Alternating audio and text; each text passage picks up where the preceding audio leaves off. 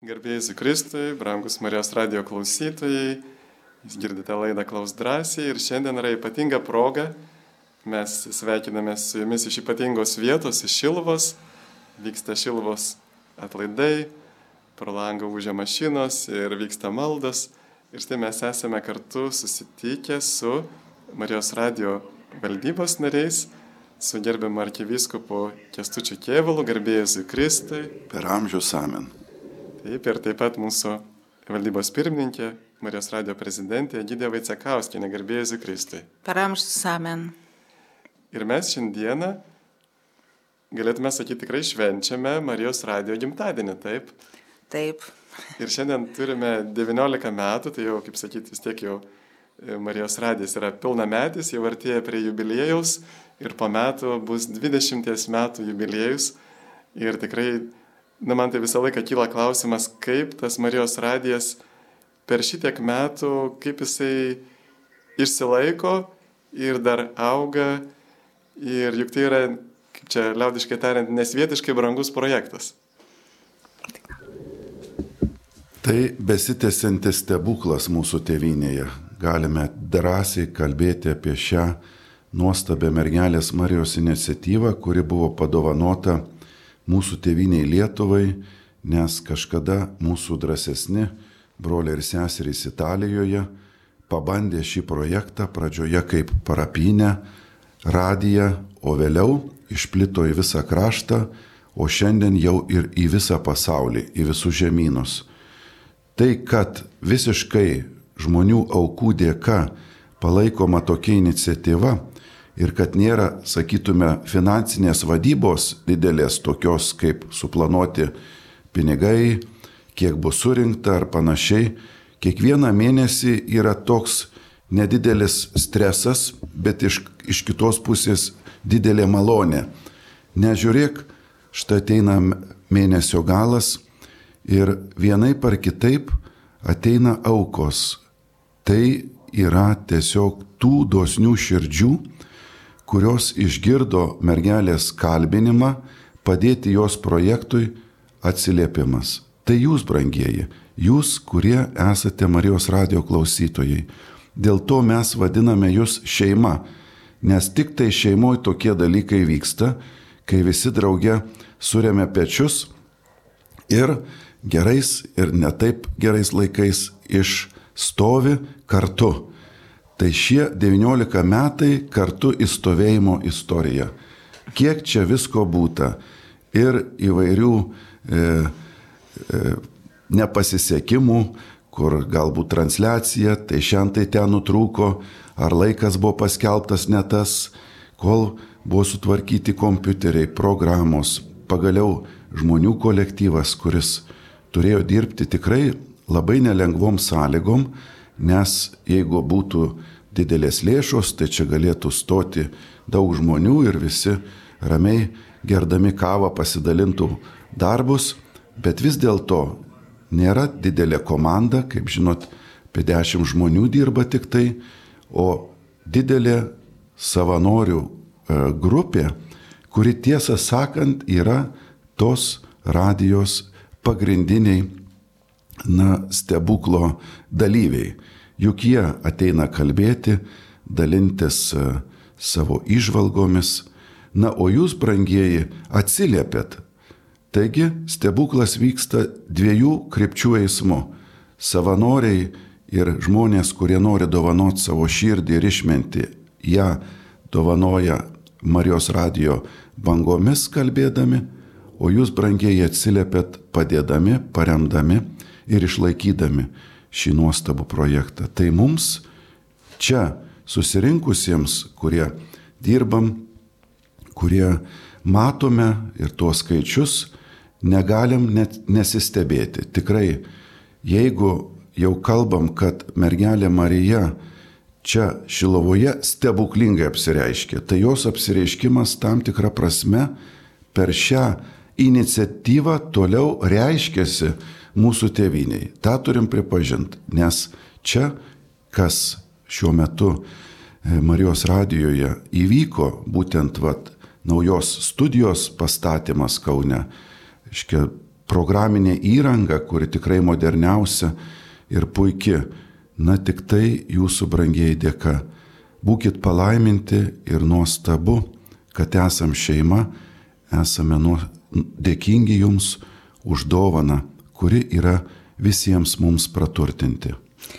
Ir e, pratesant arkiviskopo kestučio mintį, tai iš tikrųjų, mėlyjeji, pirmiausia, tai turbūt e, turime labai dėkoti ir džiaugtis, kad, kad mes turime Marijos radiją, bet labiausiai džiaugtis, kad mes irgi turime šiluvą, kurioje buvo įvykęs Marijos apsireiškimas, kad, kad švenčiausia mergelė Marija ypatingai myli Lietuvą, ypatingai myli šitą vietą ir, ir tai rodo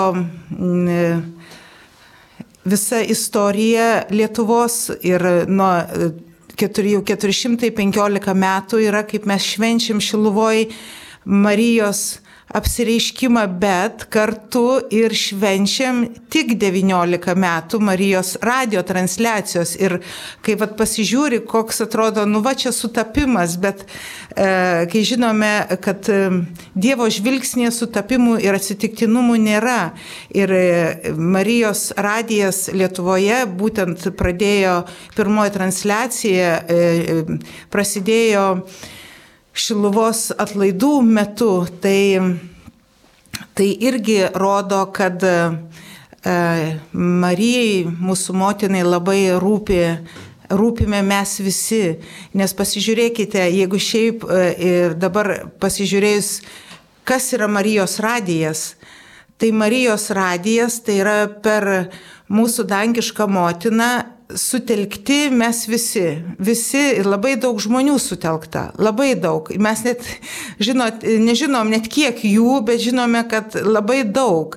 Todėl, kad yra sutelkti keletas darbuotojų, tai iš tikrųjų tai yra nedaug, bet e, tie darbuotojai, e, galima sakyti, koordinuoja, renka savanorius, kurie atsiliepia ir ateina į tarnystę, ateina į laidų kaip vedėjai, ateina ateina daug, yra darbų, kurių, kurių mes, e, e, kurie vyksta Marijos radijoje, ne eteryje, tai yra ir transliuotojai, tai yra ir e, Marijos radijo viduje esantys žmonės, būdėtojai, kurie pasitinka atvykstančius, yra aukų rinkėjai kita savanorių dalis tai yra maldininkai, kurie pas mus irgi adoruoja mūsų koplyčioje, kad laidos būtų, kaip sakyti, įkvėptos Dievo dvasios ir, ir pasiektų kuo daugiau širdžių.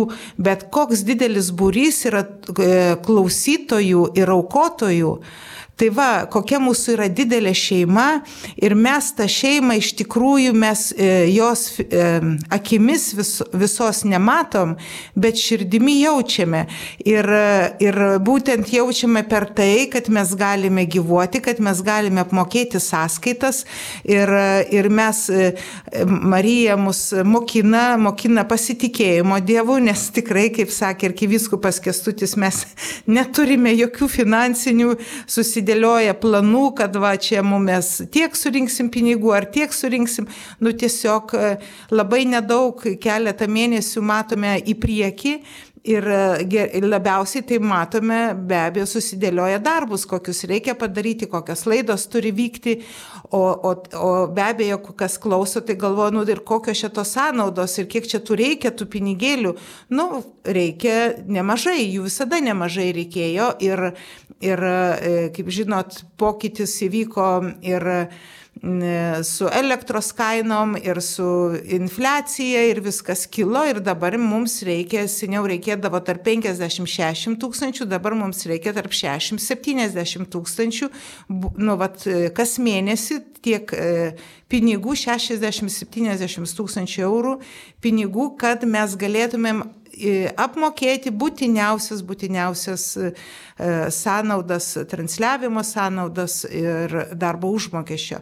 Tai va, tai, Tai tikrai ir tikrai labai dėkojame Jums ir labai džiaugiamės, kad štai 19 metų tas stebuklas vyksta ir, ir mes e, gyvai išgyvenam su Jumis kartu tą stebuklą, kad mes galime dalintis, nes, žinot, e, kartais ir tas tikintysis, kuris eina galbūt į bažnyčią, gali sakyti, nu, nu, vyko kažkada ten tie stebuklai prieš 2000 metų, nu va čia aprašyta Evangelijoje, bet tik, tikras stebuklas, tai kurį galima girdėti, tai yra Marijos radijas, tai tikrai galit visiems dalintis, kad vyksta stebuklai ir, ir to stebuklo pradžia, tai įvyko, įvyko Lietuvoje, tai būtent prasidėjo Šilvoje.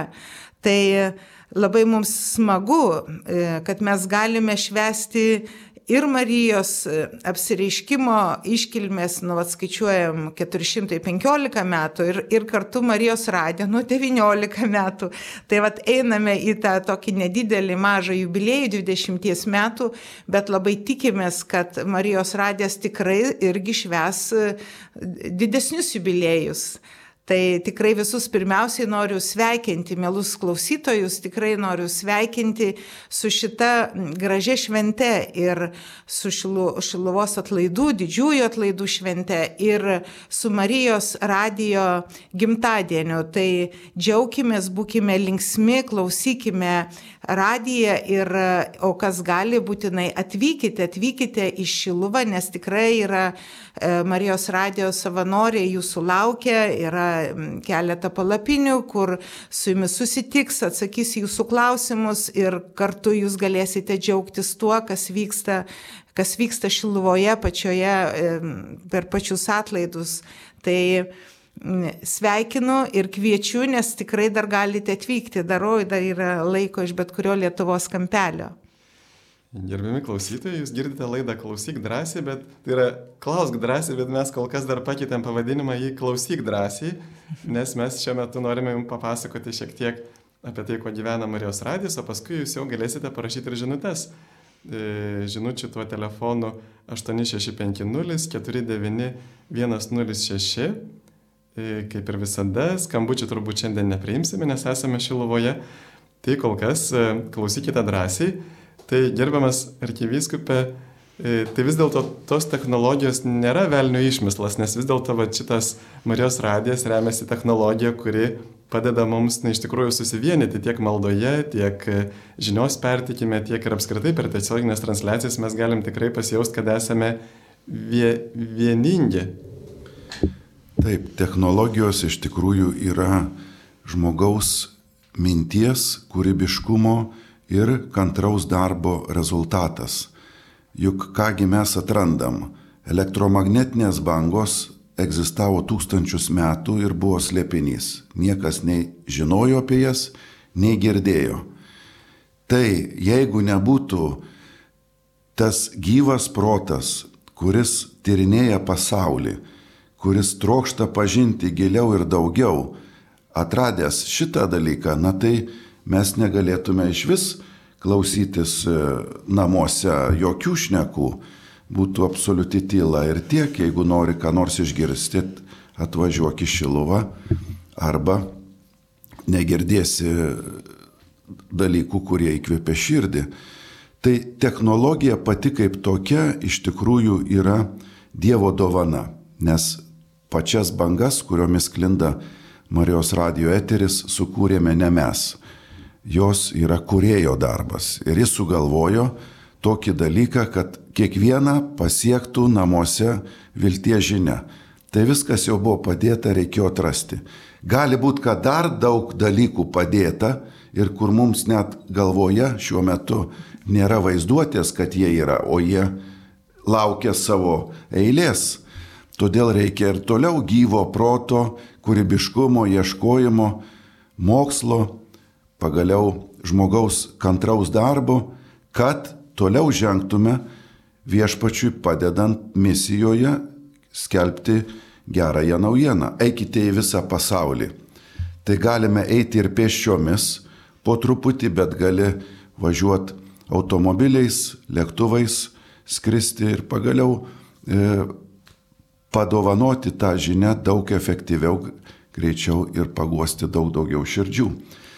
Tai kad mes su kiekvienais metais vis tobulėjame ir čia Marijos radio e, koplyčia, e, namus, studiją statydami, reiškia, kad mes toliau einame į tą visą pasaulį, skelbdami Evangeliją. Kiek dabar technologinių, kiek technologinės pažangos turime pasaulyje, atrodo štai ir viskas. Jau viską turim, viską išbandę.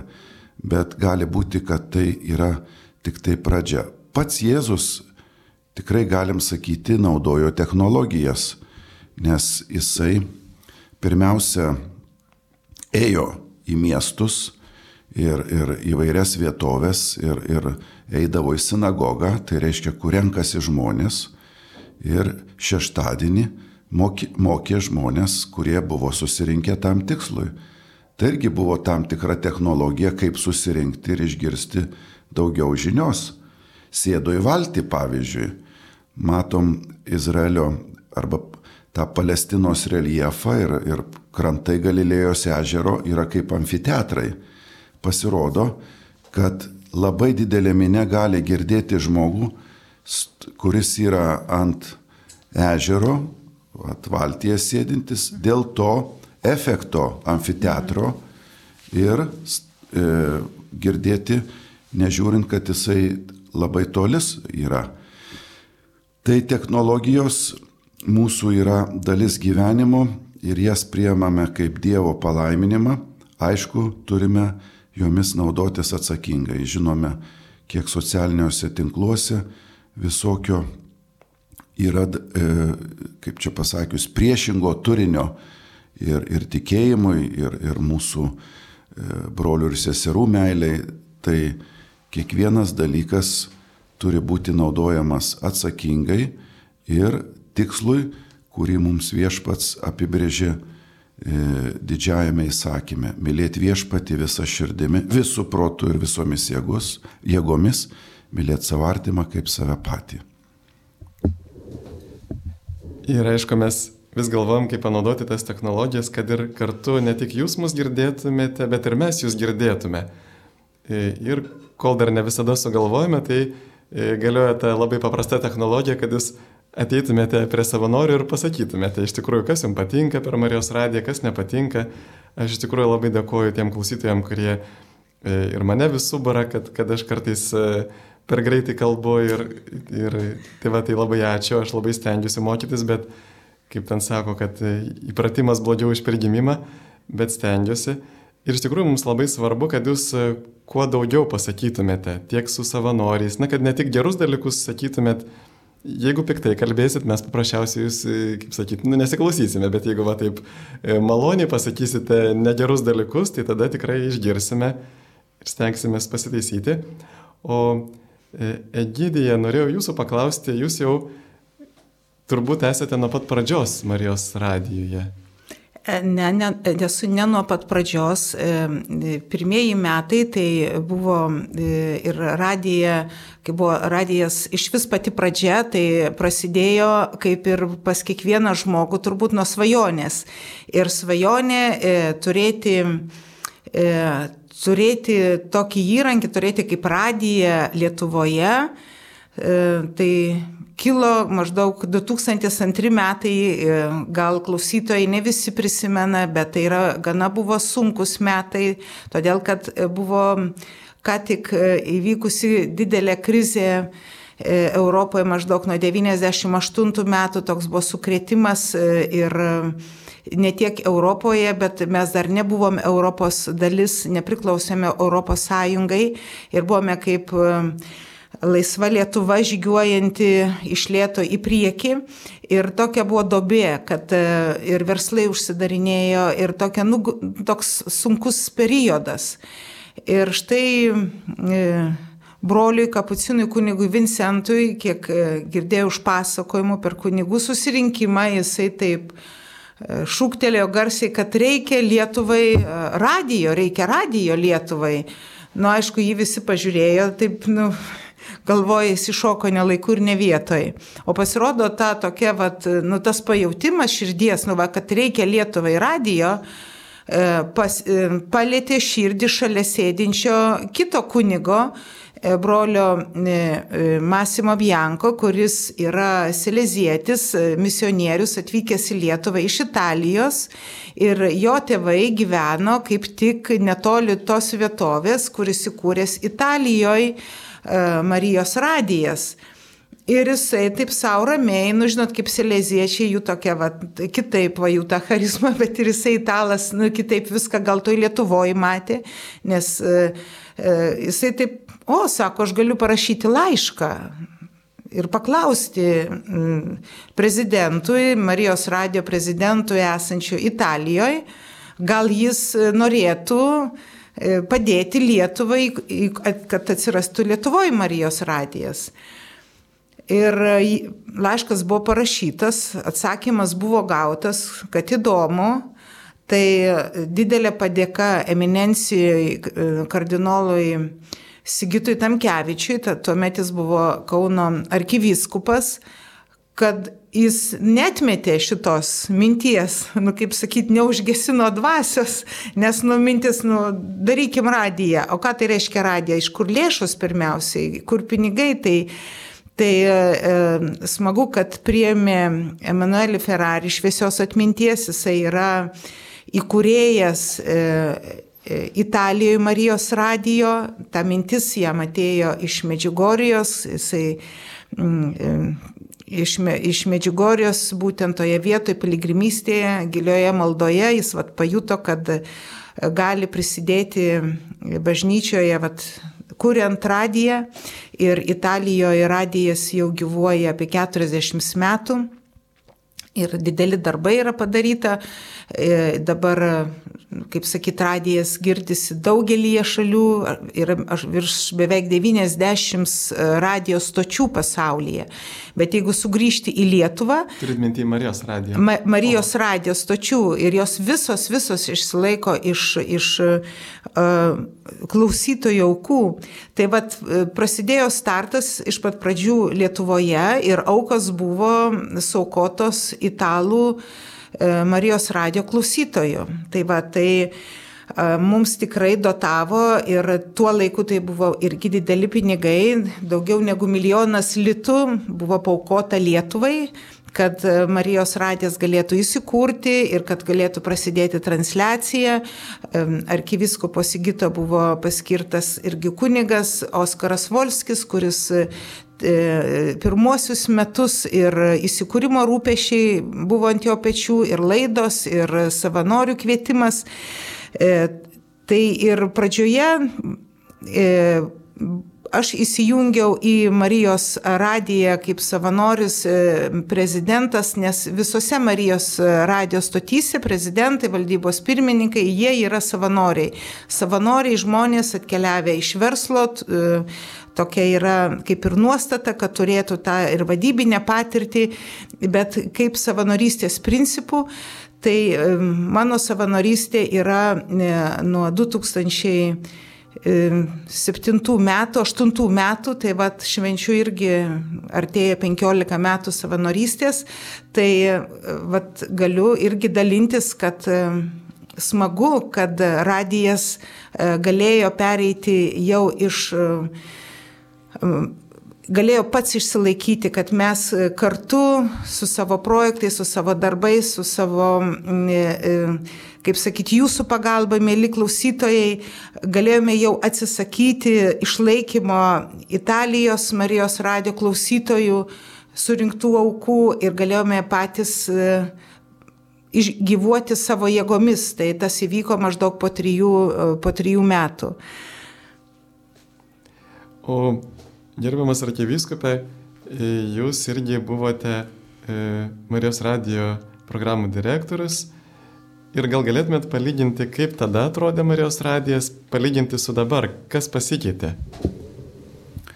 Nepaprastai daug kas pasikeitė, kadangi kai aš atėjau į Marijos radiją, aš tuo metu dirbau kaip dėstytojas ir Vytauto didžiojo universitete ir taip pat Kolpingo kolegijoje, seminarijoje, fakulteto prorektorius, kitai žodžiais tariant, daug pareigų, keturios bent atskiros pareigos ir taip jau buvo. Ir kai buvo Marijos radio pakvietimas, man buvo pasakyta, kad nieko nereiks ten daug daryti, reiks tik užeiti ir pasižiūrėti, ar gerai viskas vyksta. Pavyko įtikinti. Tokiu būdu pavyko įtikinti, kad, kad nieko nereiks per daug daryti. Tai aišku, aš, kaip čia pasakyti, na, jeigu tik prižiūrėti, sakau, kągi darysi, pasižiūrėsim.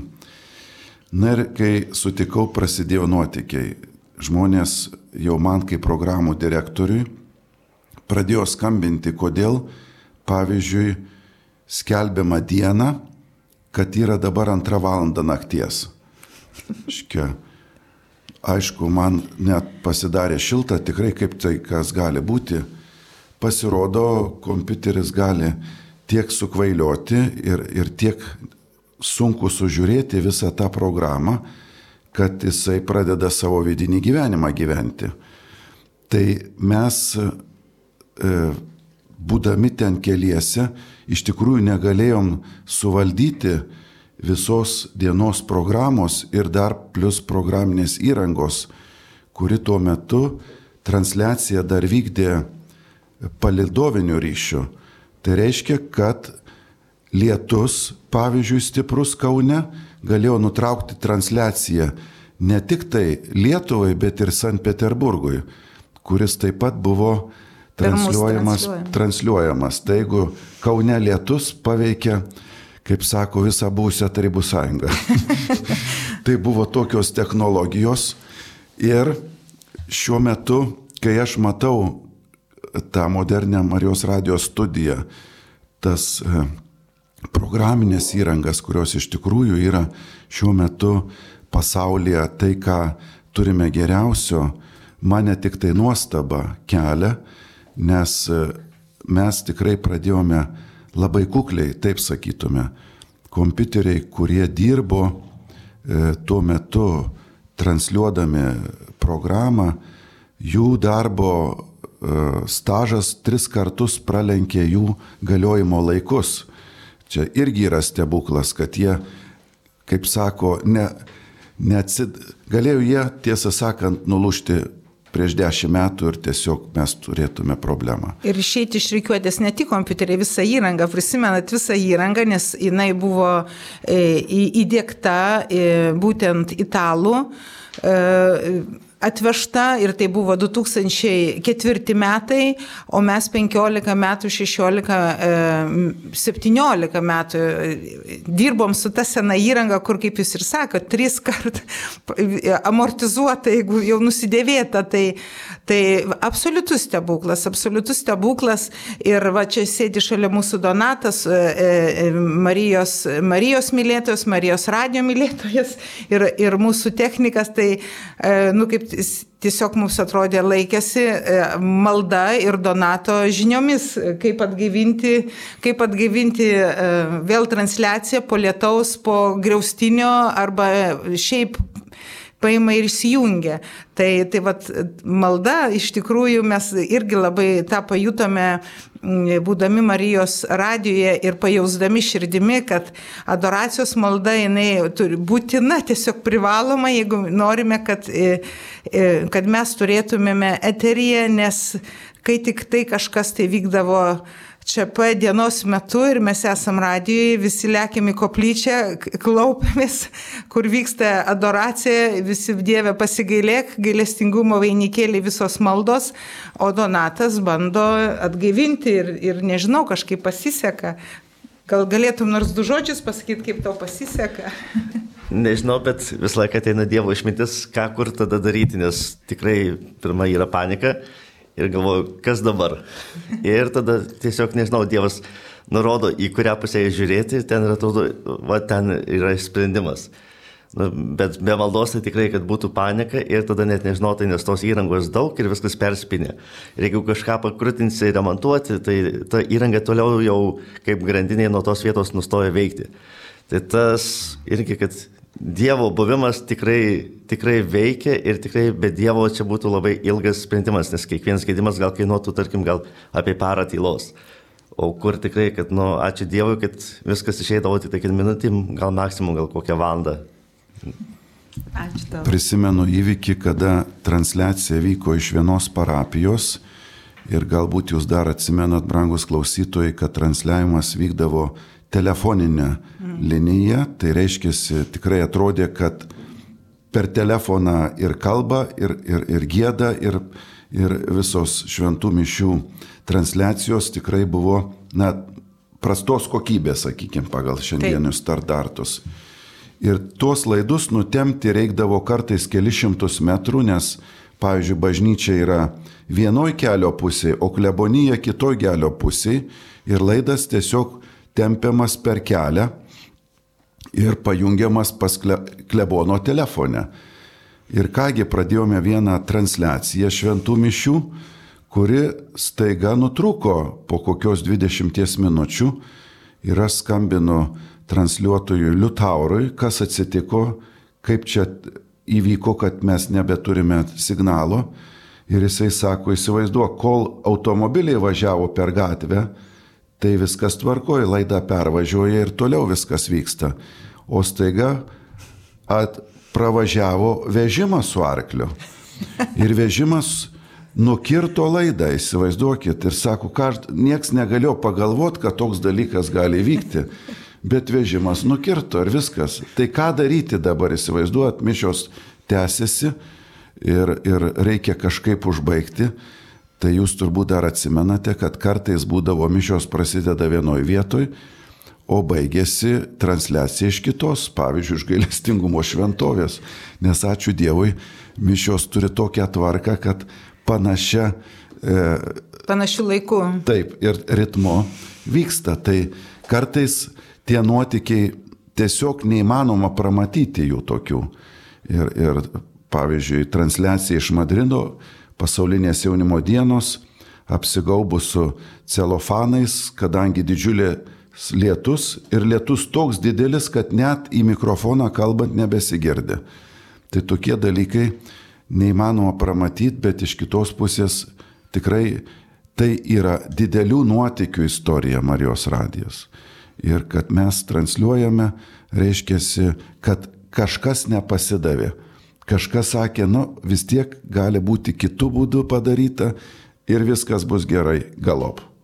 Ir tas išvesdavo iš tikrųjų ir, ir ta mūsų, pavyzdžiui, svajonė turėti, e, mūsų visų svajonė, mėly Marijos radio klausytojai ir jūsų svajonė, kad, kad eteris būtų vis kokybiškesnis, o norinti turėti kokybiškesnį, jau mes supratome, kad be abejo reikia naujos įrangos, o jeigu nauja įranga, tai turi būti patalpos, tai mes irgi, žinot, e, statėm studiją, bet e, buvo nemažas kelias nueitas, kol pradėjome statyti statyti studiją, todėl kad irgi ieškojom e, pigiausio, pigiausio kelio, ieškojome, kad galbūt yra kažkokie, kažkokios patalpos, kur galėtų įsirengti nauja Marijos radijos studija. Ir, e, ir buvo apie, nemažas susitikimų ir su eminencija kardinolu Sigita, Sigitu žiūrint, kokios patalpos, ką jis galėtų pasiūlyti, bet e, yra ir atitinkami reikalavimai, jeigu nori turėti gerą studiją, kad balsas skambėtų, nu, toks be aido, kad e, jinai tada turi labai didelius reikalavimus. Ir, ir galiausiai prieėmė, kad nu, nieko negalėsime kitaip, kaip turime statyti studiją, kuri būtų pagal e, aukščiausią standartą, o, o kad būtų pagal aukščiausią standartą, Tai tos studijos turi būti atitinkamos kubatūros, atitinkamai turi lūšti garso e, bangos, e, kad jos į eterį išsitransliuotų kuo geriau, kad geriau, va, pavyzdžiui, mes dabar va, transliuojame ne iš studijos, tai tas garsas, kurį jūs girdite, jisai yra tikrai kitos kokybės, negu kaip mes įrašome, į, į, kai vyksta įrašai iš pačios studijos. Tai va, tai svajonė, taip, reikia naujos, naujos studijos, bet e, ją pastatyti projektuoji, pinigų nėra, o projektuojame, jeigu prisimenat, arkiviskupė kestutį projektavom, tai čia Šiluvoje architektai atvažiuodavo, irgi juos supažindindavai su Šiluva, išklausydavo mišes ir jie sudalyvaudavo ir po to susitikimai, susirinkimai, planavimai ir taip metų iš metų ir galiausiai turbūt ir kaip jūs atvažiuojat į, į Kauną ir, o jeigu kas nebuvęs, tai tikrai laukiam, kviečiam atvykti atvykit, aprodysim naujas patalpas, naują mūsų studiją. Taip pat, kaip ir arkiviskupas Kesutis sako, mes stebimės, visi stebimės atvykdami prie to pastato, kad, nu, va, wow, jisai yra, jis yra pastatytas e, ir, ir viskas veikia, bet iš tikrųjų tikrai daug reikėjo įveikti va tą tokio nu, einam, einam vandeniu, einam į priekį, einam tokių bangų e, e, sukelta irgi buvo daug, nes, kaip, kaip žinot, velnės atostogų neina, tai e, tiesiog paima taip netikėtai iš po šono vėl kažkokia tai problema ir atrodo taip sujaukia viską, viskas buvo iki dabar aišku, o po to neaišku. Prieš keletą metų čia buvo toks jau čia statom, jau čia planuojam, jau studijos labai aiškiai, kurioje vietoje turi būti, tau ateina žinia nesąmonė, taip neblogai, čia studijos viskas bus blogai ir tada arkiviskupą kestutį irgi kas čia darosi, melskimės, nu gerai, kvieskime dar kartą tuos, žinai, projektuotojus. Ir, ir vėl kažkaip Marija išveda į tą šviesą, taip viską. Ir būtent šiluvos atlaidų metu, vat, visą laiką tokie būna tave liktai supurto, bet tave išveda į šviesą, va tavo yra toks toks sprendimas, gerai jūs darot, viskas ok, taip. Tai va, tai tikrai to galime dalintis, kad Marijos radės e, švenčiausia mergelė Marija, mūsų dangiškoji motina, pirmiausiai mus labai augina tam pasitikėjime Dievu, kad e, be pasitikėjimo jos sunumi, mūsų viešpačiu Jėzumi Kristumi, nu čia nelabai kas, nelabai kas gautųsi. Na, mes jau po truputį e, perėsim ir prie jūsų žinučių, bet dar šiek tiek norime e, dar pasidalinti šituo džiaugsmu, kad turime Marijos radiją, kad, kad švenčiam jubiliejų. Ir man visą laiką kyla toks klausimas, kaip jums pavyko šitiek dažnių e, laimėti konkursus, nes juk vis tiek tai yra, na, yra daug konkurentų, gal ne tiek daug, bet vis tiek tai, tai brangiai kainuoja ir Kaip pavyko šitiek dažnių gauti, nes atrodo, kad pagal dažnių skaičių yra Marijos radijas vienas iš didžiausių radijų Lietuvoje. Čia irgi stebuklo istorija. Kaip ir visi kiti transliuotojai, Marijos radijas taip pat eina į konkursą, kad laimėti tam tikrą dažnį, kuriam e, dažnai būna ne viena radija pasiryžusi dėti pastangas ir jį laimėti. Ir štai reikalingi paruošti dokumentai, dažnai tai užima labai daug laiko ir, ir pinigų, keli tūkstančiai eurų turi būti sumokėti vien tik tai, kad tu dalyvautum toje procedūroje. Na ir Marijos radijas, kaip ir visi kiti, pristato programas, pristato, kodėl yra reikalingi Na ir tada komisija e, svarsto ir balsavimo būdu arba pritarė arba nepritarė. Taigi visko čia būta. Būta ir pritarimų, džiaugiamės, bet taip pat ir nepritarimų. Sako, o kodėl čia turėtų Marijos radija laimėti?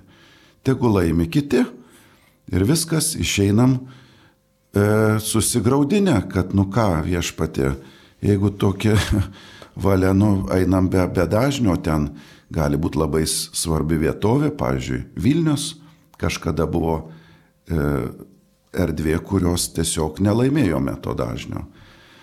Nu ir kągi, bet stebuklo esmė yra ta, kad štai prieina vieną kartą vienas iš e, tos komisijos narių ir paklausė, sako, ar jūsų dažnis, kuris yra Kaune, yra polarizuotas.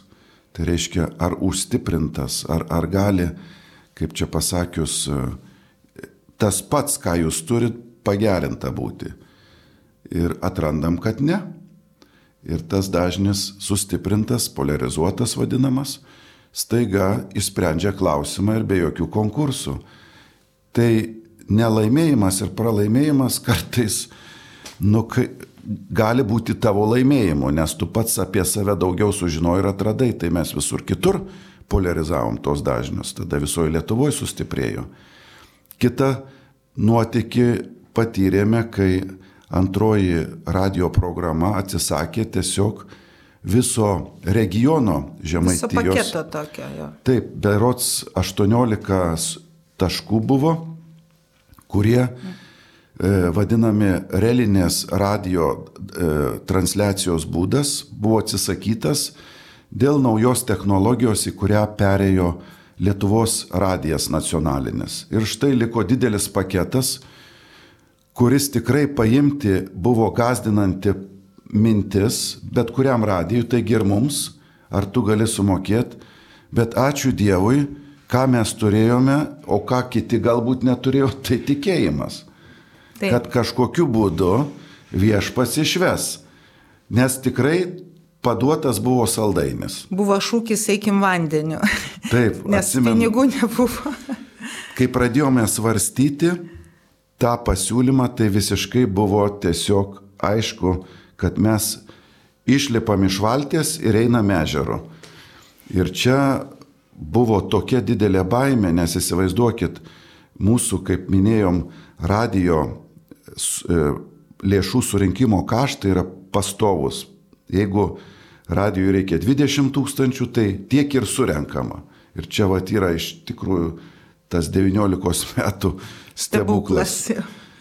Bet kitą mėnesį mums reikės jau 40, o mes žinom, kad šiame tik 20 surenkam. Tai kaip tu tą 40 turėsi? Tai čia yra du pasirinkimai. Arba sakai, protu tai nesąmonė ir neįmanoma ir tu tiesiog subankrotinsi Marijos radiją. Arba kitas, Petrai ženk vandeniu. Tai Marijos radija pasirinko šitą kelią. Iš tikrųjų, tai tiesiai šviesiai galim dabar jums atskleisti visas paslaptis, nes jau nutolo laikė. Ir aišku, pirmą mėnesį nebuvo gerai. Surinkom gal šiek tiek daugiau. Bet jau antrą mėnesį staiga pradėjo kilti e, e, aukos ir mes supratom, kad žiūrėk, mes kaip ir skęstam ir kaip ir laikomės. Ir po kelių mėnesių, galbūt po trijų, staiga įsilygino aukų lygmuo iki 40 tūkstančių tuometinės sumos. Ir mes supratom, kad tikėti apsimoka. Ir kitas dalykas, nu tikrai, e, priimdami sprendimą, ta, e, kaip vat, arkiviskupas Kestutis sako, tas e, tikėjimas vis dėlto daug ir pasitikėjimas duoda tau drąsos, drąsos priemant sprendimą, nes vis tiek prioritetas tai buvo jūs, mėly klausytojai, prioritetas buvo žmonės, nes jeigu žiūrėti į tą, prisimenant tą istoriją, žiūrėti į paketą, kokias mes ten vietovės pasiekėm, Tai e, tarkime buvo ir kur daugiau žmonių gyvena, bet buvo kur ir mažiau. E, ir, e, kaip sakyti, verslo akimis tai buvo, nu tai čia žinai, gal kažkurioje vietoje apsimoka, neapsimoka, jeigu taip žiūrėt. Bet jeigu tu žiūri, kad ir ten, kur nedaug žmonių gyvena, bet yra labai svarbu, kaip dabar sako popiežius Pranciškus, pasiekti, pasiekti visus žmonės, visus, kiek tik yra įmanoma, tos, jis vadina tą pakraščius ar ne, Tai tarkim, tas buvo sprendimas priemamas irgi tai, kad žmonės mus girdės ir jiems radijas Dievo žodis galbūt tik tai mūsų pagalba iš vis galbūt yra pasiekiamas, gal bažnyčios yra tol, toliau arba jos ten yra aptarnavimas, veikia ten kartą, kartą ten per, per savaitę. Tai va, tai Tęsiant tą mintį, tai e, nori, nu, noriu pasakyti, kad šią dieną irgi yra priduotas projektas konkursui dėl panevežio, nes e, mes turime tokią e, panevežys, pusę panevežio girdi radiją, o pusę panevežio negirdi. Ir, ir jau iš panevežyje esančių parduotuvių, kurios prekiauja radijų, jeigu ateina, jau girdėjau tokius atsiliepimus, jeigu ateina žmogus ir prašo, parduokit man radiją, jau tas pardavėjas sako, jeigu nori girdėti Marijos radiją, tai šitas radijas jau neims, supranta, žmonės ieško, nes labai įdomiai, pusė panevežio girdi, pusė negirdi.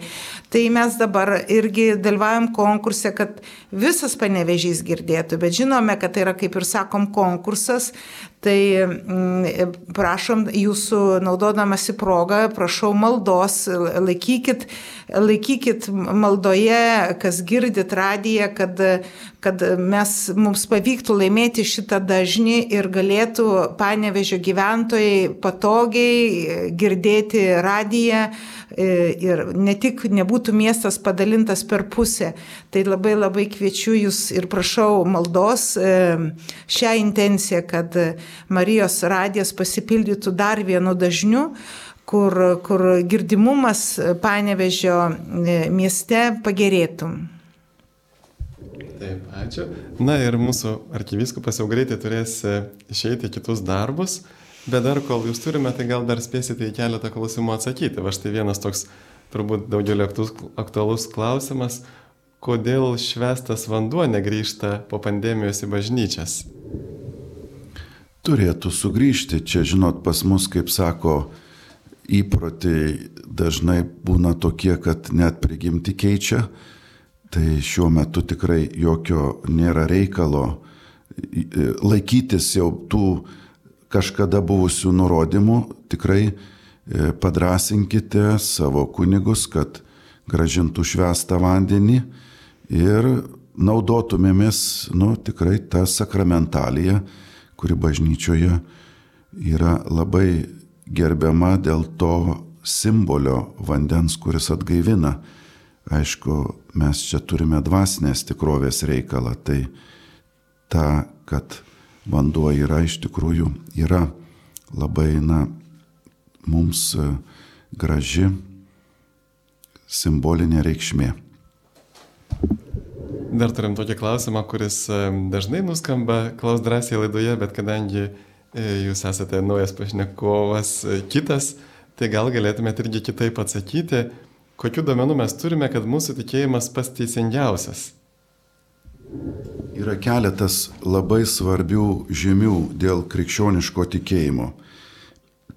Pirmiausia, e, jeigu jūs žiūrėtumėte į pasaulio religijas, tai visos jos kaip susitarę maždaug išpažįsta, kad žmogus leidžiasi ieškoti Dievo. Simbolis arba įvaizdis galėtų būti lipimas į aukštą kalną. Reiškia, jeigu tu įsirošiai kelionę, tu vis platesnį horizontą matai. Tai reiškia, tu išėjai ieškoti Dievo ir galbūt jį rasi, kai išeisi tą ilgą kelionę. Tuo tarpu e, krikščioniškas tikėjimas, kuris remiasi taip pat e, Izraelio kultūra ir religija, kalba apie tai, kad pats Dievas išėjo žmogaus ieškoti, kad jis parodė iniciatyvą ir jis ateina į mūsų tarpą.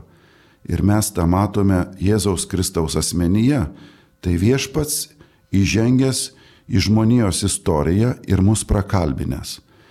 Tai pirmoji labai svarbi žinia, kuri labiau atitinka, sakytume, Dievo mintį, kad jeigu Dievas parodė iniciatyvą sukurti šį gražų pasaulį, tai labai natūralu, kad jis rodo iniciatyvą ir pasiekti žmogaus širdį. Tiesiog sako logika, kad jis yra autorius, jis leidžiasi į paiešką ir jis tengiasi atrasti. Antras labai svarbus dėmuo, kodėl krikščionybė, o ne kitos religijos yra teisingos, kaip rašo autorius. Būtent dėl liūdėjimo, kurį mes gauname iš pirmųjų Jėzaus mokinių. Štai žiūrėkime, visi pasaulyje didys mokytojai ar net religijų įkūrėjai, jie buvo žmonės, kurie mokė, kurie net kai kurie darė stebuklus, kaip rašo knygos, ir visi mirė. Neturime jokių e, duomenų apie jų prisikelimą. Tuo tarpu Jėzus mokė, darė stebuklus, mirė ir prisikėlė. Tai čia esminė žinia ir skirtumas nuo visų kitų esančių pasaulyje religijų. Jūs paklausit, o tai iš kur jūs jau žinot apie tą prisikėlimą? Gal tie mokiniai taip norėjo, kad jų mokytojas būtų prisikėlęs, kad žinai, ėmė ir paskelbė. Nu tiesiog susitarė, o ką čia dabar? Duokim čia tą žinią, kaip sakant, su ugnim ir, ir, ir, ir Visi išgelbėsim patikės. mokytojo reputaciją. Tai gerai toks sutarimas, viskas mums suprantama žmogiškai kalbant, bet įsivaizduokit, tie žmonės, kurie liūdėjo, esant Jėzų prisikėlusi, visi padovanoja net gyvybę už šį skelbimą. Tai ar kas nors gali mirti už halucinaciją? Jeigu, sakykime, na, turėjo halucinaciją žmonės ir tada pasakė, žinot, tai buvo taip tikra, kad aš galiu tiesiog liūdėti iki pat e, kankinystės. Aišku, kad tai būtų sunkiai protų suvokiama. Evangelijos liūdė, kad ir, ir, ir apaštalų darbai, kad ne tik mokiniai matė, 500 žmonių matė, kurie jau yra užregistruoti kaip tie, kurie liudytojai tampa. Ir kad bažnyčia su tokiu entuzijazmu pradėjo savo gyvavimą, tik paaiškina dėka šitos akivaizdžios tiesos, kad jie susitiko prisikėlusiai. Kitaip protų neina paaiškinti, kodėl taip atsitiko, kad jie tapo kankiniais už šitą žinę. Aišku, dar daugiau, tie žmonės, kurie gavo šitą liūdėjimą, jie gavo, kaip mes skaitome, šventąją dvasę. Darėsi dalykai, kurie neįprasti, nebuvo anksčiau. Pagydymai, stebuklai, pagaliau įvairios e, išlaisvinimo e, praktikos, kurios anksčiau negirdėtos, nematytos, bažnyčios gyvenimas prasidėjo su ženklais, kurie tikrai buvo ne iš šio pasaulio, nes tai nebuvo žmon, žmonių galiomis. Petras net pradėjo šaukti, kai jį norėjo iškelti, kad jis Dievas, a jūs proto turit, nejuokaukit, aš esu toks pat žmogus kaip ir visi kiti. Jūs prašykit irgi to šventosios dvasios ir jums nužengs. Jūs visi tokie patys, visi turim tas pačias galimybės tai pačiai dovanai. Ir bažnyčios, reiškia, gimimas Romos imperijos sąlygumos, kur buvo labai priešingos tikėjimos, sakytume, grinai Sovietų sąjungoje gimė tas tikėjimas, jeigu taip jau mūsų terminais įmant, rodo, kad tai buvo ne tik tai žmogaus pastanga, kaip kitų religijų, bet tai buvo Dievo iniciatyva.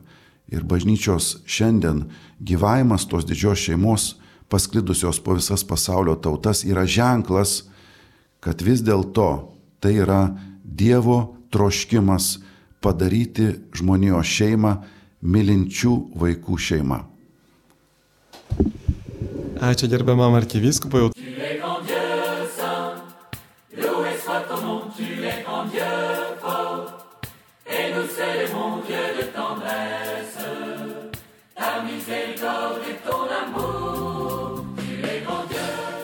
Pokalbių laida Klausk drąsiai.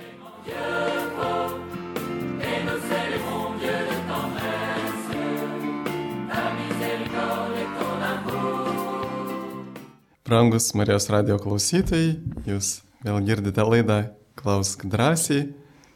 Šiandieną mes švenčiame Marijos radio 19 metų gimtadienį. Yra tokia šventinė išskirtinė laida. Pirmoje laidos dalyje su mumis kartu buvo arkivyskupas ir buvęs Marijos radio direktorius Kestutis Kievalas ir taip pat e, mūsų prezidentė Gydė Vaicekauskinė, kuri ir dabar yra su mumis. Ir mes e, šito, šitos lygos progą vis norime jums irgi išreikšti savo dėkingumą, kad jūs palaikote Marijos radiją, kad remiate Marijos radiją. Tikrai stebimės, kaip jisai visą laiką surenka tiek aukų, kiek reikia. Ir iš tikrųjų dėkojame jums. E, Taip pat e, artėja ir naujas sezonas, jau kai kurie klausytojai klausia, ką girdėsime naujame Marijos radijos sezone, tai apie tai šiek tiek vėliau. E, Ir taip pat čia esame Šiluvoje, šį kartą transliuojame iš Šiluvos ir Šiluvoje vyksta daug visokių nuostabių dalykų, tame tarpe ir šių šilinių metų vyksta netgi trys naktinės adoracijos. Ir viena iš jų prasidės kaip tik šį vakarą ir mes ją transliuosime. Tai kartais kai kuriems iš jūsų kyla iš tikrųjų klausimų, va, kaip, kaip čia nais, kodėl negalime melstis dieną, kodėl turėtume melstis naktį. Aš prisimenu, kažkada skaičiau apie tokius benediktinų vienuolius, kurie e, viename vienuolinė nusprendė panaikinti naktinį, naktinę vigiliją, maldos būdėjimą, e, kad galėtų geriau išsimegoti. Ir kaip tik tada, kada jie panaikino šitą būdėjimą, kaip žinia, dauguma vienuolynų naktį keliasi melstis, jie kaip tik pradėjo daug praščiau mėgoti. Tai iš tikrųjų, kada mes skiriame laiko maldai, aišku, naktis yra skirta miegui, bet jeigu prabundame, jeigu negalime užmigti, tai tikrai yra labai geras būdas melsis už kitus, kaip žinia, ir, ir versnėme amžiuje žmonėms yra vis sunkiau užmigti, vis mažiau miego lieka ir kaip tik ta malda, kuri mus nuramina, įteikia ramybę Dievas per tai ne tik mums, bet ir visai apylinkiai. Taip pat esu girdėjęs tokį pasakojimą vieno kunigo Amerikoje, Baltimorėje, kurie pradėjo naktinę apskritai va tokią nuolatinę adoraciją ir toje vietoje e, pastebimai sumažėjo nusikalstamumas. Jie netgi palygino statistiką, kada buvo iki tos naktinės adoracijos ir po. Ir štai sumažėjo nusikalstamumas toje apylinkėje. Aišku, niekas nežino kodėl, bet e, turbūt e, ne veltui žmonės meldžiasi naktį ir užtaria kitus, nes nakties metu daugiausia nusikaltimų padarome. Tai yra toksai nuodėmės laikas, tamsos laikas ir kada mes galime būdėti, kada kiti miega, e, tai tarsi esame tokie, na, dvasios sargai, būdime.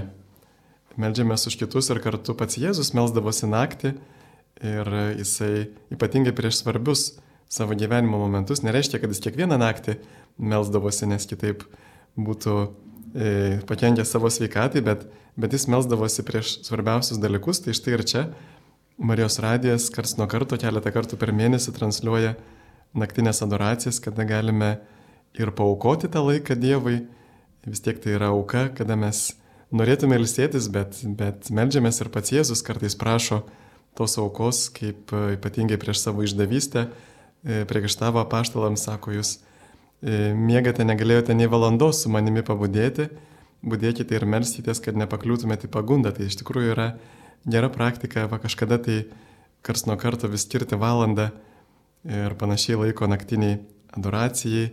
Ir Egidė, jums turbūt yra, žinau, labai brangios naktinės adoracijos ir apskritai adoracijos transliavimas per Marijos radiją. Na taip, e, kadangi toks nujausmas širdyje, kai pradėjau savanoriauti Marijos radijai prieš 15 metų, jau pati turėjau, adoruodavau, turėdavau tokį savo pasidarius įsipareigojimą e, kas savaitę po tris valandas skirti adoracijai ir tas jau vyko penketą metų ir vat, e, po to gavau kvietimą at, e, savanoriauti Marijos radijoje. E, bet tikrai tą laiką irgi prisimenu savo adoracijos pradžios, kad nu, vat, vidinė toks, tokia nuojauta buvo, kad tai yra labai svarbu ir kad Kodėl tai svarbu, man labai sunku paaiškinti žodžiais, bet tas laikas, kurį praleidi kartu su Jėzumi, E, dienos metu, tada aš adoruodavau dienos metu, tai kad nu, jisai yra ypatingas ir aš tai jausdavau išeidama iš adoracijos. Kodėl buvo tris valandos, nu tiesiog e, trys valandos, nu man buvo tas, kad Jėzus e, Kristus kentėdamas ant kryžiaus e, vis dėlto buvo prikaltas iki mirties. E, Tris valandas jisai kentė e, kančią ant kryžiaus. Tai man toks buvo kaip ir iš vidaus ateinantis priekaištas, nu, tai jeigu Jėzus kentėjo tris valandas dėl manęs, dėl, dėl atpirkimo pasaulio, tai kodėl aš negaliu e, tris valandas e, pabūti bažnyčioje kartu su Jėzumi. Ir aš buvau pasirinkus penktadienį, va, tas, ta, tas dienas.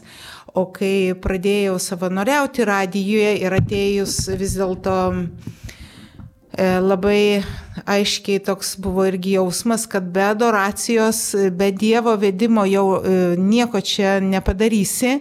nes tai yra ne verslo įstaiga, tai yra Marijos radijas, tai yra taip, jo, radijo turi būti vadyba, bet vadovauti pirmasis vadovas, tai be abejo turi būti per švenčiausios mergelės Marijos užtarimą Jėzus Kristus. Tai ką pirmiausia mes darėme, remontavome koplyčią, išsididinom ją kiek galėjome tose patalpose, kur buvo įkurtas Marijos radijas. Ir adoruodavom. Iš, pra, iš pat pradžių nebuvo žmonių, tai važinėt, važiuodavau pati ir adoruodavau pirmiausia radijui, o po to ieškodavom sprendimų, ką daryti. Po to ratas žmonių didėjo ir šią dieną labai džiaugiamės, kad tikrai jau ne vieneri metai, kai turime adoraciją nuo 9 ryto iki 9 vakaro ir tikrai supranti ir tiki, kad tai yra labai svarbu. Toliau naktinės adoracijos irgi atėjo toks, mes galime ir džiaugtis, kad kartu su jumis jau turime, kaip sakyti, ilgiausiai transliuojame naktinę adoraciją iš gailestingumo šventovės. Tai jau 11 metų, eina 11 metai, kai transliuojam pirmo mėnesio penktadienio naktinę adoraciją į šeštadienį. Ir kodėl buvo pasirinkta gailestingumo šventovė? Nu tai jeigu mes turime tokį turtą, kaip, žinot, Jėzau pasitikiu tavim paveikslą, kur, kuris, kab, kuris yra pats žinomiausias ir, ir visame pasaulyje, visose bažnyčiose, daugelie bažnyčių, kur nuvyksi, rasi paveikslą, kuris yra nupieštas ir originalas kabo, nupieštas per mistinius šventosios Faustinos regėjimus, o nupieštas tai aišku tapytojo, bet kaip piešti ir kaip, kaip jis turi atrodyti, tai sesė vienuolė šventoji Faustina visą tai perdavė tapytojui. Tai tas paveikslas yra daugelie pasaulio bažnyčių, o mes turime originalą. Ir, ir buvo toksai labai aiškus, kad nu, turime ištransliuoti naktinės adoracijas, nes dienos mes diena yra eteris užimtas, o naktį mes galime skirti gyvai maldai. Ir Ir tas to, tų adoracijų transliavimas taip pat, supranti, kad žmonės, kaip sako, kunigas Gitas yra daugelis, kas nemiega, kas jungiasi per eterį į naktinės adoracijas. Ir mes tada visi kartu galime subūrėm labai didelę, didelę bendruomenę žmonių, arba, kaip sakant, komanda, kuri būdi ir, maldo, ir, ir maldoje jungiasi į tą kovą už, už bendrą gėrį, už bažnyčios reikalus, nes dažniausiai melžiamės ir už taiką, ir už kunigus, ir už įvairias mūsų remėjų intencijas, mūsų Marijos radio intencijas. Tada mes plėtėm buvo nemaž, nemažas atsiliepimas žmonių, kad, o, kaip gerai, kaip gerai, kad yra naktinės adoracijos. Tada labai aiškiai supratome, kad turime tokį didelį turtą dar Lietuvoje. Um, bažnyčios, kurios yra, kuriuose yra švenčiausios mergelės Marijos popiežiaus karūnuotos. Tai turime tokias vietas, kaip, kaip aišku, be abejo, Šiluva, Žemaičių kalvarija, Krikenava, Pivašiūnai, aušros vartai. Ir kad reikia prieš tas didžiasias šventes prieš jų didžiasias šventes, tarkime, va, štai Šiluvos atlaidai iš 7-8, va, ta, ta, ta, ta iškelmių naktį irgi adoruoti su intencija dėkojant Dievui už visas švenčiausios mergelės Marijos užtarimus ir jungti vėl žmonės į maldą. Ir, Ir džiaugiamės, kad šią dieną mes turime, ši, per mėnesį mes ištransliuojame septynias naktinės adoracijas iš skirtingų Lietuvos vietovių ir dėkojame tiem žmonėms, kurie jungiasi naktį maldą ir jų būna tikrai nemažas ratas, nes ne, ne iš vieno teko girdėti skirtingose Lietuvos vietose, kur prieina ir dėkoja, dėkoja už nakties maldą, kad e, jie e, gali būti naudingi malda ne tik tai, kad vieni meldžiasi, bet kartu jungiasi per adoraciją e, su daugelį maldininkų. O e, dabar vat, naujajam sezone kaip tik planuojame įgarsinti ir e, pateikti mūsų klausytojų knygą Insinus Jėzus, e, kur verčiasi prie Jėzaus kurtinės, kur yra knyga parašyta e, kaip dienoraštis per pokalbius, e, per mistinius pokalbius kunigo brolio Domininkono su Jėzumi ir kuris būtent irgi kviečia ir akcentuoja Jėzus akcentuoja į maldą ir ypatingai į adoracijos maldą, o naktinė adoracija išskiria tuo, kad jinai yra labai svarbi. Ir, ir jo yra netose e, žodžiuose pasakyta, kad nors vienas žmogus e, adoruoja e, adoracijoje, tiek dieninėje, tiek ypatingai naktinėje, kad e, jo veikimas e, būtent tuo metu yra irgi ypatingas, nes mes patys ateinam prie Jėzaus e, ir mes prašome jo užtarimo.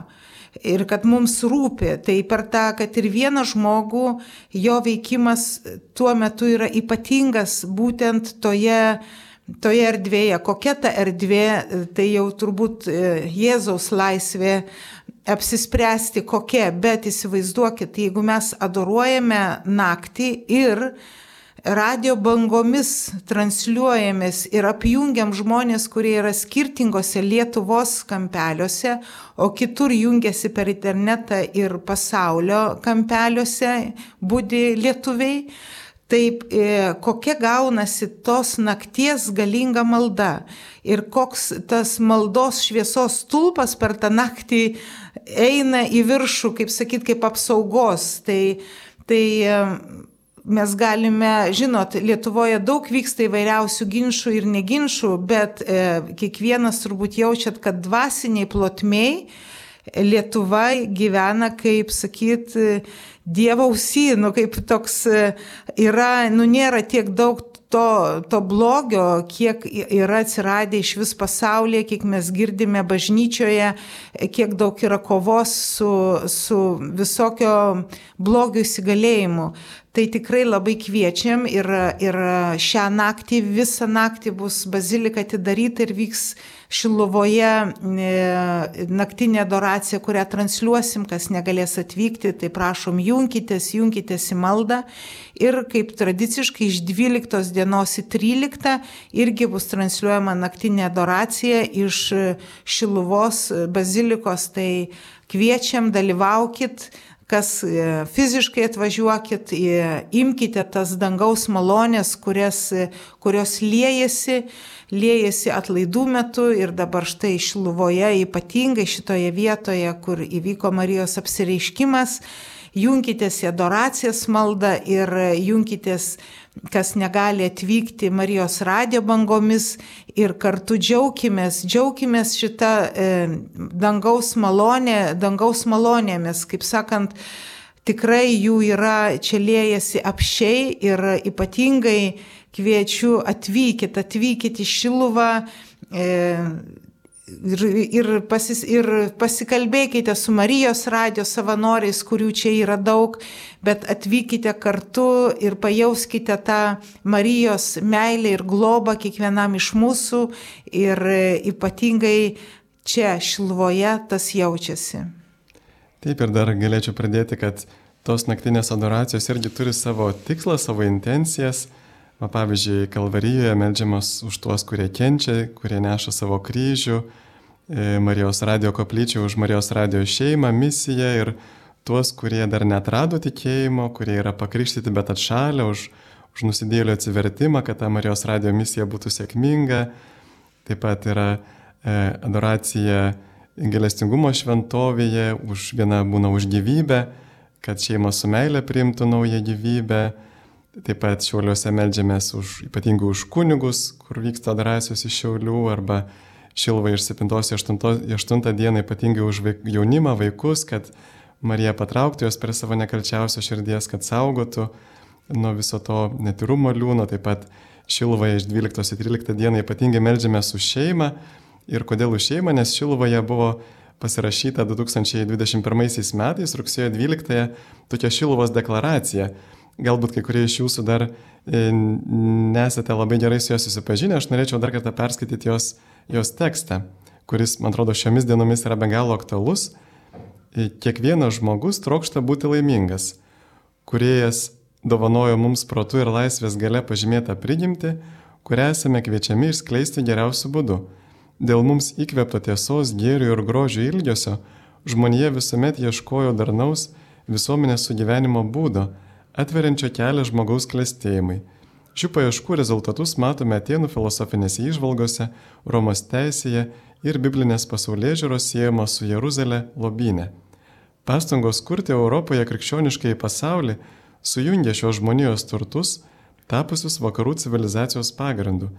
Kūrinyjoje atpažintas kurėjo balsas ir veikimas, o ypač priimtas Jėzaus Kristaus dievystės autoritetas ir mokymas, draugė su kilniausiais civilizacijos pasiekimais, Europos žemynė sukūrė ypatingas sąlygas žmogaus prigimtyje glūdinčiam potencialui išsiskleisti. Visą tai sudaro autentišką mūsų civilizacijos pamatą, be kurio neįmanomas vakarų pasaulio tvarumas. Žmonijos patirtis rodo, kad vien tik įstatymų nepakanka sukurti geresnį visuomenį, jeigu jos nariai nepuoselėjo darybių ir vidinių moralinių nuostatų. Žmogiškosios darybės protingumas, teisingumas, susivaldymas ir tvirtumas, sustiprintos kurėjo įkveptomis tikėjimo, vilties ir meilės dovanomis, yra tikrosios asmens, tikrosios asmens laisvės pagrindas. Iš tiesų laisva, demokratinė visuomenė įmanoma tik tada, kai jos nariai laikosi tvirtų dorovės principų. Valdžios įsakymai negali sukurti ar pakeisti moralinių nuostatų, kurios kyla iš sąžinės kurėjo įdėkto žmogaus širdyje. Tačiau valdžia, nepažįsdama pamatinių piliečių laisvių, gali ir privalo remti tuos doroviškai motivuotus savo piliečių pasirinkimus, kurie yra būtini bendrajam gėriui išsaugoti visuomenės išlikimui ir klėstėjimui užtikrinti. Žmogaus laisvė reikalinga pagalba, krikščionys ją gauna iš Kristaus žmonijos gelbėtojo, o demokratiniai valdžiai tenka pareiga apsaugoti piliečių ir valstybės laisvę bei pamatinius gėrius. Didžiuojamės, kad Čilovoje įvyko vienas žymiausių švenčiausios mergelės Marijos apsiriškimų Europoje. Čia prieš kelius šimtus metų Dievo motina paragino mus garbinti jos sūnų, o ne tik arti ir sėti. Tai suprantame ne tik kaip kvietimą į maldą ar asmeninio santykio su Dievu atnaujinimą, šis paraginimas priminė ir Dievo mums paliktos tvarkos svarbą. Žmogus gali išvelgti kurėjo sumanimą ne tik gamtoje, jį galime atpažinti ir žmogaus dvasioje bei žmogiškoje prigimtyje. Turime gerbti šventajame rašte užrašytus moralinius principus, nes jie yra gairės rinktis gyvenimą, atitinkantį tiesą apie žmogų kaip Dievo paveikslą. Mūsų tauta skaudžiai patyrė, ką reiškia tapti socialinių eksperimentų lauku, kai nepaisoma prigimtinio žmogaus orumo ir paminamos svarbiausios žmogaus teisės. Galbūt ir dėl to būtent čia Lietuvoje pasigirdo dangaus kvietimas gerbti kurėjo valią. Tikime, kad šis balsas Šilovoje nuskambėjo ne tik mūsų tautai, bet ir visai Europai.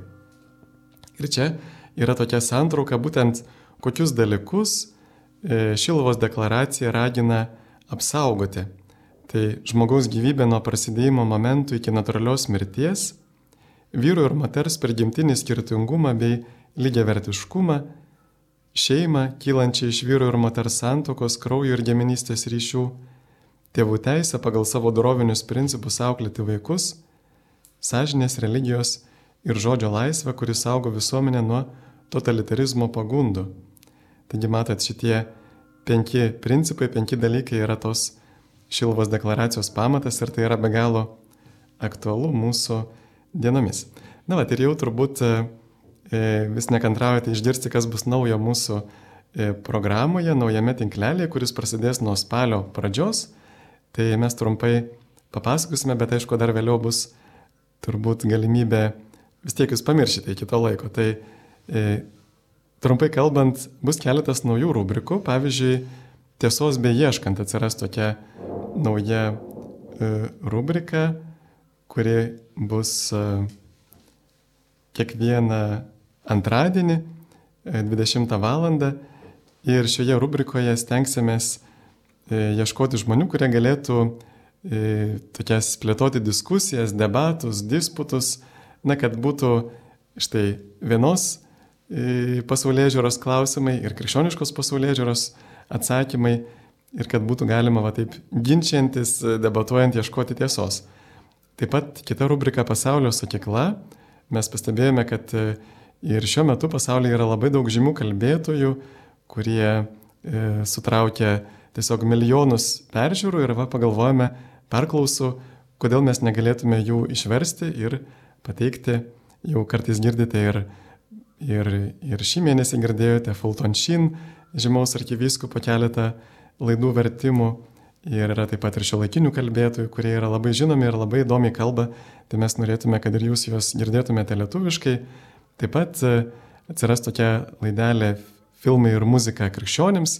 Mes žinome, kad šio laiku irgi išeina daug naujų netgi krikščioniškų serialų, krikščioniškų filmų, e, tokių filmų, kurios pastato krikščionis ir kurios galbūt kai kurie kino teatrai blokuoja, kaip pavyzdžiui toksai Laisvės garsas, jau labai žinomas filmas, kuris praktiškai surenka daugiausia lėšų, bet vis tiek kai kurie kino teatrai jo nerodo, todėl kad jis yra kurtas e, tokios kompanijos, kuri kūrė ir krikščionišką serialą, tiesiog vien dėl to. E, tai apie tai mes galėtume kalbėti, kad ir jūs galėtumėte atrasti tuos tokius perlus, kuriuos galėtumėt pasižiūrėti. Taip pat e, laida viešpatės vaikams sugrįžtų, laida vaikams Taip pat daugiau būtų laiko muzikai ir skaitiniams.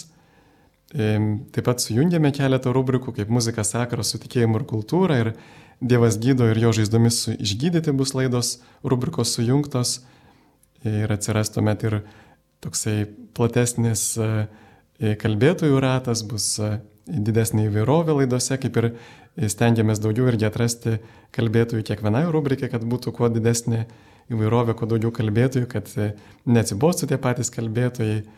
Taip pat e, panaikinome keletą irgi laidų, nes e, turėjome kažką panaikinti, tai radijas eina į svečius, nes ir taip mes galime nueiti į svečius ir, ir, ir kitose rubrikose ištransliuoti. Taip pat laida žodžio šviesoje ir trumpasias be 15.10 einančias laidas. Stengsime tuos dalykus ištransliuoti kitų laikų. Taip pat tvarkingai išdėliojame kartojimus, laidų kartojimus jie visą laiką eis arba tą pačią, arba sekančią dieną tuo pačiu laiku, tai galėsite lengviau atsekti kartojimus ir taip pat pakeisti kai kurių laidų laikai, taigi jums irgi reikės e, sekti tinklelį, čia kaip kažkas e, pajokavo, sako, jūs elgėtės kaip Maksimoje, kurie išmaišo prekes, kad galėtumėte kad galėtų žmonės atrasti naujas prekes, tai panašiai ir čia mes šiek tiek išmaišėme laidų laiką, kad galėtumėte atrasti ir kitas, nes tikrai yra labai daug nuostabių laidų, vyksta per Marijos radiją. E, tai štai maždaug e, tokie, tokios naujovės laukia mūsų. Ir naujos programėlės jau atspausintos e, yra Šilvoje, tai galite kreiptis pas Marijos radijos savanorius ir pasimti naujas atspausintas Marijos radio programėlės, o visa kita bus suvesta į internetiniam puslapį, galima bus rasti kaip ir visada. Taip, ir dabar šiek tiek dar turime laiko klausimams. E, viena klausy, vienas klausytojas klausia, e, jeigu nebuvau išpažinties keturis metus, ar tai yra mirtina nuodėmė? Na kaip, iš tiesų bažnyčia ragina bent jau rečiausiai kartą per metus ateiti iš pažinties ir, na čia gal net galima būtų palyginti, kas būtų, jeigu mes nesipraustume keturis metus, tai tai būtų daug blogiau negu neiti iš pažinties ketverius metus. Iš tiesų mes e, esam praradę iš dalies nuodėmės suvokimą ir kada einam retai iš pažinties, mes iš viso prarandame suvokimą, kas yra nuodėmė. Mums jau atrodo, kad mes nebedarome nuodėmių. Tuo tarpu, jeigu einame dažniau, mes tuomet suprantame, na panašiai kaip saulė, kaip pašviečia į kambarį, mes matome, kiek daug dulkių čia skraido, o kai nėra saulės, atrodo, kad ne vienos dulkelės. Tiesiog tobulai švarus kambarys. Tai panašiai ir su mūsų siela, mes visų pirma darome žalą savo sielai, nes, na taip, mūsų širdis po truputį užkietėja, e, iš mūsų gyvenimo dinksta atgaila, o Dievui labai brangi yra tokia sugrūdusi širdis, kuri nėra pasikėlusi, kad štai aš esu teisus, šventas, bet kuri prašo Dievo gailestingumo nuolat ir savo ir pasauliui. Taip pat, e, sako žmogus, jeigu mergina draugauja su vaikinu, bet dar nevedė, ar gali priimti komuniją. Na, žiūrint, kaip jie draugauja, jeigu jie kartu miega, tai aišku, kad negali, nes tai yra nuodėmė ir nuodėmė, kurios netgi negalima atleisti per išpažinti, todėl kad žmonės nėra pasiryžę jos nutraukti. Va, per išpažinti mes galime atleisti tik tai tas nuodėmes, kada žmogus pasiryšta, kad jisai kovos su ta nuodėme, bet jeigu jie sako, na mes ir toliau gyvensime kartu, tai tokia išpažintis negalioja. Ir komunijos taip pat negalime priimti, nesame vienybėje su Dievo valia, negyvenam pagal Dievo valią. E, taip pat kitas klausytas klausia, kokie pasikeitimai laukia su klausytojų linija. E, klausytojų linija, e, pas, e, taip Marijos radio gana ilgai buvo būrys savanorių, kuris priimdavo skambučius būtent atitinkamą valandą ir buvo pavadinta klausytojų linija. Dabar klausytojų linija taip pat jinai yra išlieka, bet priminėjęs žmonės, kurie yra dar būdinčių žmonių komanda, kuri pasitinka atvykstančius žmonės į Marijos radiją ir mm, su jais apkalbėjus ir vertinus jų žimtumą, kad jie gali savo būdėjimo metu, to savanorystės būdėjimo metu, taip pat e, atsakyti į visus skambučius, kurie atkeliauja į Marijos radiją. Tai skambinkit, e, siūlykite ką norite išgirsti per radiją, kas liečia būtent radio klausimus, kaip ir minėjo kunigas Gitas, kad e, taip mums yra svarbi jūsų nuomonė ir kad e, savo mintimis ar įvertinimais jie mums irgi yra svarbus, nes mums duoda krypti E, ar kažkokią vietą, kur mes turėtumėm gal labiau atkreipti dėmesį, pasitaisyti, ar kokybę kažkurioje vietoje gerinti. Tai tikrai laukiame kiekvieno, kiekvieno jūsų mintis, kuri jums e, atrodo būtų svarbi radijui, mielai skambinkit ir pasidalinkit. O radijas e, būtent nuo spalio mėnesio prasidės e, naujasis mūsų Marijos radijo e, sezonas vadinamas ir pakeisos kai kurios laidos ir atsiras naujų laidų. Taip pat buvo atsižvelgta, kad būtų daugiau muzikos, kad e, žmonės galėtų, nu, tarkim, ir išgirstą žodį apmastyti, kad ne iš karto e, kita laida atsirastų, nu, tai, tai štai atsiras e, daugiau tų trumpesnių tokių mm, išdėliota po 15 ar 20 minučių muzika su žodžiais, su apmastymu, kad jūsų, kad tarnautų jums, mėly Marijos radio klausytojai, jūsų sielai, jūsų širdžiai, kad šiek tiek ir galėtų ramiai su muzikos pagalba kelti širdis į, į dangų, o šiaip didžioji dalis laidų tai lieka lieka tos pačios ir nes jūsų yra pamėgtos ir mes randame ir savanorių toms laidoms, tai tikrai džiaugiamės ir dėkojame visiems savanoriams, kurie atsiliepia ir, ir dalyvauja mūsų laidose. Ir tikrai galime didžiuotis tuo savanorių ratu, nes tai yra tikrai žmonės ir su dideliu išsilavinimu, ir su didelė patirtim, ir e, tikrai kviečiame, kad būtų įdomus jums klausytojai.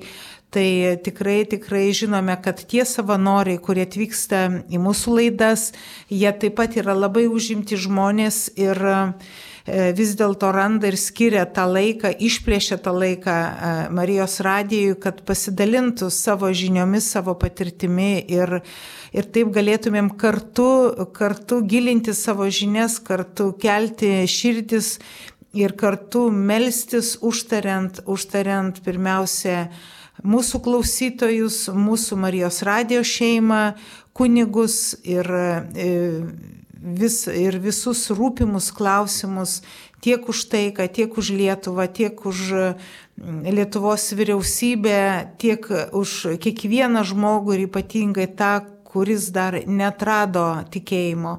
Nes Marijos radijo pagrindinė misija yra kad e, kuo daugiau žmonių įsijungtų Marijos radiją, bet ypatingai tie, kurie dar, tarkime, turi, yra pakrikštyti, nu kaip ir agnostikai, bet e, e, nu, čia dėl kažkokių tai priežasčių nutolę nuo bažnyčios, tai mums jie visi be galo rūpi ir ypatingai rūpi tie žmonės, nes ir švenčiausiai mergeliai Marijai būtent labiausiai rūpi ir skauda dėl tų žmonių, kurie dar netrado Jėzaus e, per Jėzų einančią mūsų Dievo tėvo meilę, jo gailestingumą. Tai, mylėjai, vat, Marijos radijas dar yra tuo ypatingas mums visiems, kad mes visi galime dalyvauti misijose. Tai yra kviesti žmonės, kurie dar netradę, dar neįsijungia Marijos radijo, tiesiog padrasinti, paklausyti, kažkokią tai laidą galbūt, ar kažkokiu tai laiku įsijungti, kur jūs e, sakytumėt, paklausykite tą laidą. Vat jums gal patiks, žinot, abejoju, kad jie iš karto įsijungs į, į, į naktinės adoracijos maldas ar į, ar į rožinio mūsų maldas, nors esame tikrai ne iš vieno girdėję, kad klausosi net ir tie žmonės, kurių nėra bažnyčioje, bet jiems sunkiuoju momentu jie vis dėlto susiranda mūsų rožinio maldas ir jei ne patys meldžiasi, tiesiog klausosi ir juos ta malda ramina. Tai tikrai jeigu mums dangus padovanojo tokią, tokią dovaną ir jau mes kaip 19 metai švenčiam Marijos radijo gyvavimą Lietuvoje, kas tai liudija begalinį Dievo tėvo gailestingumą ir meilę ir ypatingą švenčiausios mergelės Marijos meilę Lietuvai, tai būkime drąsus. E, drąsus skatindami žmonės ir įsijungti radiją, ypatingai tuos, kurie dar neklauso Marijos radijo. Turime savo kaimynus, turime savo artimuosius, paraginkime, žinom, kad galbūt pirmą kartą neįsijungs, bet per laiką, per laiką išgirs, kad yra radijas. Ir taip mūsų klausytojų ratas tesiplečia, o mes tikrai melsimės ir ypatingai mm, naktinių maldų būdėjime, kur kviečiame jūs kuo gausiau dalyvauti, e, įsijungiant eterį arba atvykstant į tas naktinės adoracijas, melstis už Lietuvą, melstis už kiekvieną iš mūsų. Kaip ir minėjo e, kunigas Sigitas, vat, ypatingai norėsime akcentuoti e, naktinių adoracijų, e, naktinės adoracijas į tas maldas vat, pagal, pagal vietovės, iš kur transliuojame. Ir kaip ir minėjau, jeigu žemaičių kalvarijos, kur daugiau negu 300 metų nenutrūkstamai vyksta E, kalnų gėdojimai, kalno apėjimas ir e, ypatingai jų atlaidų metu, įsivaizduoja, daugiau negu 300 metų mūsų tėvai, protėviai ėjo, meldėsi už Lietuvą. Tai toje vietoje transliuojant naktinę adoraciją, žinot, kaip ir dalyvauji naktinės adoracijos metu, tu tiesiog jauti, kad esi ant kaip čia pasakyti, toks jausmas būna, kad tu ant maldų debesio sėdi, jos taip lengvai eina tos, ta malda tą naktį. Tokia jinai nu, būna, tikrai būni toks pakilėtas po, po tos naktinės adoracijos, lygiai taip pat ir šiluvos e, naktinėse adoracijos, ir gailestingumo šventovės. Bet... Na štai, va, jeigu žmogus klausia, o ką daryti, jeigu įvyksta toks atšalimas nutikėjimo, kai nebepaliečia nei mišios, nei išpažintis, nei adoracija, nei dvasingos knygos. E, na tiesiog e, mes melžiamės, mes ir už jūs melžiamės, ir už tuos žmonės, kuriuos, kurių, kurie vat, yra, tarkim, tokioj vat, būsenoj, bet, e, mm, nu, tiesiog, žinot, jūs galit, mano tai toks, kaip sakyt, nu, pasiūlymas, kad paimkite, žinot, kaip kaip sportuojant, nu tarkime, kaip e, e, sakome, nu va, nuo dabar darysiu ten mankštą, žiūrime, kad nu nuo va dabar darysiu, man nieko nepavyks, ar ne, arba nuo va dabar kažkam skirsiu laiko, nu bet jeigu mes sakome, nu gal skirkime, nu gerai, nu du mėnesius ir žiūrėsiu, ar man čia pavyks ar nepavyks, ar čia bus kažkoks pokytis ar nebus, tai nubandykite per šitą dalyką, e, e, žinai, nu, kažkurį tai laiką, vat, sakykit, ne, ne per vieną kartą, kad atėjau ir nieko nepajutau. E, manau, kad turbūt pajutot, bet kažkiek užsimiršo, nes e, kiek man teko vat, šnekėtis ir bendrauti su žmonėm ir mes patys labai gerai žinom, kada mes Dievą prisimenam po kažkokios pertraukos ar, ar tai, kada, nes Dievui rūpi kiekvienas žmogus, kai yra kažkoks sunkumas, kai yra kažkoks sunkumas, mums širdį skauda ir mes patys vat, nepajuntam, kaip atsirandam bažnyčioj. Ir ką galiu tikrai iš daugelio, iš daugelio žmonių, su kuriais teko kalbėtis, liūdyti, kad tikrai Dievas tuo metu ypatingai veikia savo malonėmis tuos pirmus ateimus, kad žmonės ar atėję ar į bažnyčią ir bažnyčioje besimeldę, ar, ar pabuvę maldoje, ar pabuvę adoracijoje, jie jaučia tą tokią, nu, vat, palengvėjimą, ypatingą tą malonę. Aišku, po kažkiek laiko vėl, kaip sakyt, ginodėmingoje žemėje gyvename, dar ne, ne dangus ir vėl apsineši tom dulkiam žemės, bet jeigu jūs ateinate į adoraciją, melžiatės ir atvira širdim šaukia Dievę, padėk man, paprastą sakinį, padėk, man sunku, man skauda, man pat išimk iš manęs tas skausmą, nežinau kaip, bet išimk, padėk man. Nu tikrai neš, neteko sutikti nei vieno, kuris pasakytų, kad va, buvo, buvo mano tokia būsena ir daugelis sako, valio Jėzui, ačiū tau, garbinu tave, ačiū, dėkoja, supranta, tiesiog dėkoja. Tai, Tai negali. Ta ir Jėzus sako Evangelijoje, jeigu jūs nuodėmingi e, savo vaikams, kai jie prašo, neduodat gyvatės, o duoda, neduodat akmens, o duodat duoną ir atsiliepėt į jų, duodat meilę, tai kaip jums atrodo, kad gailestingas Dievas tėvas jūs sukūręs, kai jūs jo prašot savo sugrūdusią širdimi, jums neduos daugiau negu kad jūs tikitės. Ateikit, atvykit į Šiluvą, imkite tas malonės, kurios liejasi, liejasi per Marijos rankas į jūsų širdis, atvykit ir patirkit. Taip, ir turbūt čia labai svarbu įugdyti tikėjimą, kuris yra toks asmeninis santykis su Dievu, kad yra labai gera ateiti svečius pa žmogų, kuris visą laiką pavaišina tave saldainiais, šokoladais ir kitais dalykais, Bet kad tas santykis būtų brandesnis, kartais Jėzus nustoja mus vaišinti tais saldainiais, kad mes ateitume ne dėl saldainio, bet dėl jo paties. Dėl santykio. Taip. Na ir mūsų laikas jau visai eina į pabaigą. Mes vis tiek džiaugiamės šituo gimtadieniu, gimtadieninę nuotaiką. E, reikės gal suorganizuoti ir kokį gimtadienio tortą. Taip, savanoriams ir tikrai dar vieną kitą klausimą galim pažvelgti. Noriu Aš tai klausytojas sveikina Marijos radijos su gimtadieniu ir klausia, kokios yra maldos su rožančiumi taisyklės. Tai gal tiesiog paprastai tariant, e, pats rožančiaus tas vėrinys mums padeda susikaupti ir turbūt netgi padeda dvasiniai kovoje, nes galim pastebėti, kad kartais žmonėms melstis va būna su kitais geriau, lengviau, o kartais būna sunkiau melstis su kitais, mes jaučiam įvairius dalykus neiškius ir va būtent tas rožinio, rožinio vėrinys mums padeda būti čia ir dabar. Neįsiblaškyti visokius neiškius pojūčius, bet būti čia ir dabar ir susikaupti maldoje. Ir kartu turbūt rožinio maldoje yra svarbu ne tik tai kalbėti, bet ir galvoti, ką kalbi, nuoširdžiai melstis, su meilė melstis, tai yra meilės malda, širdies malda ir kartu apmastyti slėpinius. Kaip Liudvikas Montvartėtis yra sakęs, kad e, rožinio malda be slėpinių apmastymo yra kaip siela be kūno. Tai yra kūnas be sielos, taip.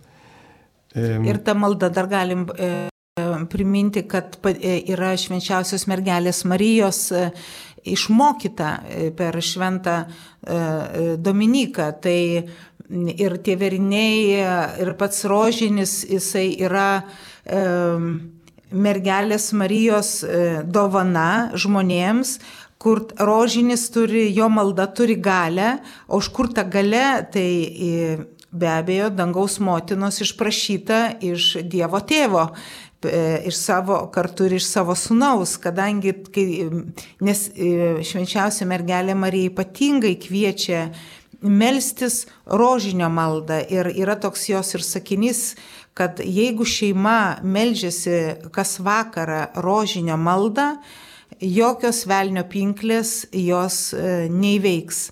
Tai įsivaizduojat, koks e, stiprus pažadas šeimai 15-20 minučių kartu pabūni maldoje su visa šeima ir koks yra tavo, kaip sakyt, ir, ir per maldą tu turi savo šeimoje tvirtovę kurios jokiai, tai nereiškia, kad nebus ar ginčių, ar dar kažkos, bet velnio pinklės jos neįveiks. Tai rožinio malda galima prisiminti ir lurdą.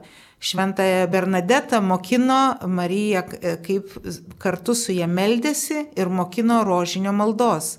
Tai va, rožinio maldos svarba, jinai labai yra, nu, šios dienos kovoje tai yra vienas iš pirmųjų ginklų.